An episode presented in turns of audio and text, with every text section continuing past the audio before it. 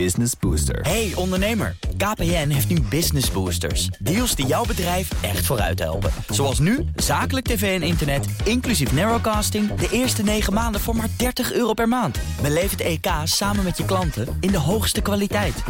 Kijk op kpn.com slash businessbooster. Business Booster. Dit is de Oekraïne Ochtend Update. Mijn naam is Geert-Jan Haan. En ik ben Bernard Hammelburg. We praten hierbij over de laatste ontwikkelingen in Oekraïne. En de gevolgen voor en de reacties van de buitenwereld. Je vindt deze podcast in je favoriete podcast-app. Het is dag 246 van de oorlog in Oekraïne. De Russen zijn inmiddels bezig met nucleaire oefeningen. Poetin eh, zagen we mooi achter een schermpje zitten waarbij hij dat allemaal volgt. Er zijn discussies over en weer tussen Rusland en Oekraïne over wie er een vuile bom gaat inzetten. De een beschuldigt de ander daarvan. En uh, één ding weten we wel: in de midterm elections in Amerika beginnen de Republikeinen nu ernstig te tornen aan het geld wat ze stoppen in de oorlog in Oekraïne. En daarmee, zo zegt CNN, heeft Poetin precies bereikt wat hij wil. Hij heeft hierop gewacht dat er verdeeldheid zou ontstaan in Washington en de wereld. We gaan naar buitenlandcommentator Bernard Hammelburg en Europa-verslaggever Geert-Jan Haan. Bernard, eerst naar jou. Uh, is dit een heldere en juiste analyse van CNN? Hij weet nu een wicht te drijven in Amerikaanse politiek over de steun van? Nou, dat, dat moet je nog afwachten, omdat als puntje bij paaltje komt, ik denk dat in beide uh, huizen nog wel een meerderheid is om het beleid van Joe Biden te steunen. Maar er is nog een andere ontwikkeling, heel spannend. Um, er is een brief uitgelekt van uh, 30 uh, leden van wat wordt genoemd de progressieve fractie binnen de Democratische Partij. Waarin uh, wordt gesteld van we moeten uh, gaan zoeken naar een oplossing. Er moet onderhandeld worden. en wat impliciet betekent we moeten stoppen met die enorme investeringen in die oorlog. Ja. De, die brief is ingetrokken, dus hij werd wel gepubliceerd. Maar de schrijvers zeiden maar oh jee, maar dat is helemaal verouderd en dat was helemaal niet de bedoeling. Maar het is, het is toch een signaal, het gebeurt ook niet voor niets. De fractievoorzitter van de Kevin McCarthy, heeft ook gezegd: we moeten echt gaan praten. En ja. als wij, uh, als wij die, die, die, die, die, die uh, verkiezingen winnen, dan gaat er een hele andere wind waaien. Ja, maar toch inderdaad, dit is wel iets waarvan ik zeg: uh, Poetin, en dat zegt CNN ook, Poetin heeft hier toch een wicht tussen de deur, weg een wicht weten te drijven hè, in de politieke stance van Amerika, van Republikeinen en Democraten in de aanpak van die oorlog in Oekraïne. Dat is toch ja, duidelijk. Ik, ik weet niet zeker of je dat zo kunt zeggen. Nee, uh, nee ik, ik, denk dat dit meer van binnenuit komt. En dat de Amerikanen het argument gebruiken, wat je heel veel ook hoort in Europa. Hé, hey, we hebben zelf ook problemen en dit kan niet zo doorgaan nee, voor eeuwig. Die enorme hoeveelheid geld en die enorme hoeveelheid wapens. Ja, toch eventjes nog naar, naar die de, uh, hele discussie over de vuile bommen en die nucleaire oefeningen van Rusland. Hoe moeten we dat plaatsen?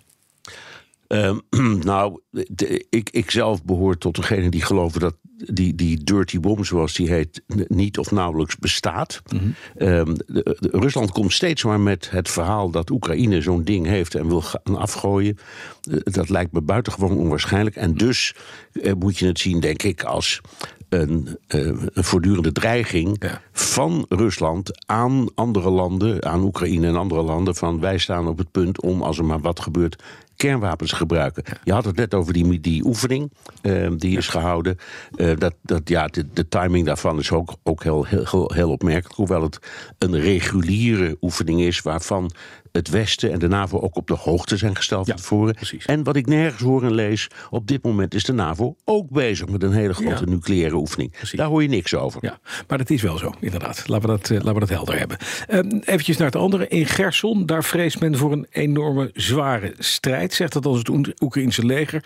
Gert-Jan, hoe, is de, hoe is de situatie daar? Nou ja, uh, wat ik uh, afgelopen dinsdag bij onze tweewekelijkse update ook zei: stilte voor de storm. En ze hebben daar te maken met dat het herfstweer op een gegeven moment ook intreedt. Wat natuurlijk ook weer de logistieke operatie uh, kan veranderen. Het hoeft niet per se uh, je, je logistiek dwars te zitten. Maar wat ik afgelopen week heb gehoord is dat uh, ja, Gerson Oblast, nogmaals een regio zo groot als België. Dus niet dat je dat van de een op andere dag in je broekzak hebt. Dat dat nog wel een paar weken gaat duren voordat ze de serieuze uh, strijd om, om de stad kunnen gaan slechten. Um, betekent niet dat ze uh, geen kans meer daar hebben, de Oekraïners. Uh, maar dat is het, het realisme waar de Oekraïners zelf ook mee dealen. En het wordt gewoon heel heftig. Ja, jij sprak met een journalist, hè, Oekraïnse journalist, Ilya Ponomarenko. Die als oorlogscorrespondent voor de Kiev Independent hier werkt. daarover vanmiddag kan je luisteren naar BNR De Wereld. Maar hij heeft wat dingen gezegd die interessant zijn. Zo interessant dat je hebt gezegd, ik wil het laten horen. Als dat van jou uh, mag, Bas, dan wil ik je graag laten horen wat ik aan hem vroeg over of wij in het Westen met de levering van al die wapens en materiëlen en logistiek of we nou alles aan Oekraïne daadwerkelijk geven dat ze willen, of dat het maar een allegaartje is van wat wij in de voorraadkast hebben liggen. When it comes to top priority right now is it's about air defense.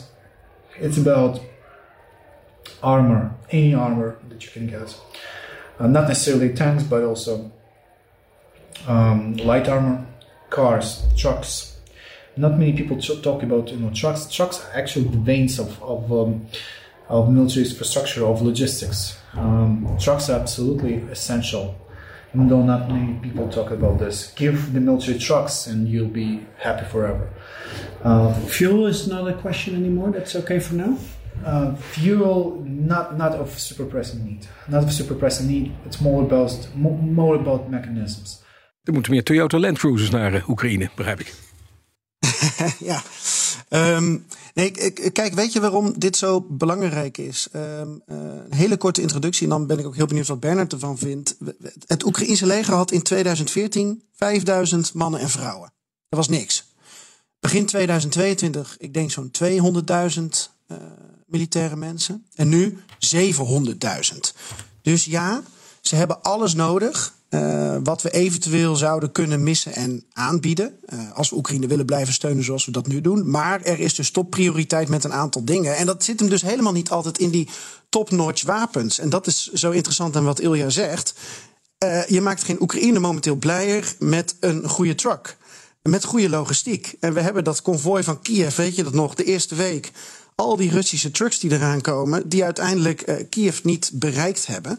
Um, omdat uh, ja, de logistiek uiteindelijk in de keten niet op orde was. Maar je moet wel de spullen hebben. En um, ja, ik was wel benieuwd wat Bernard hiervan vond. Want ik vond dit toch wel een interessant inkijkje. Want hier hebben we het niet zo vaak over. Nee, nou, het is natuurlijk het een beetje. Het, het wijkt totaal af van het beeld dat wij steeds hebben. Namelijk heel veel geld en heel veel zeer geavanceerde wapens. En wat hij zegt is: nee hoor, gewoon geweren. En inderdaad, uh, pick-up trucks.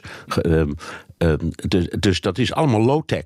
En ook allemaal niet zo duur. Ja. En ook allemaal best leverbaar. Dus ik vind het een hele interessante en ook plausibele oproep. Vanmiddag in de wereld kun je er meer over. Dank buitenlandcommentator Bernard Hammelburg en Europa-verslaggever Geert-Jan Haan.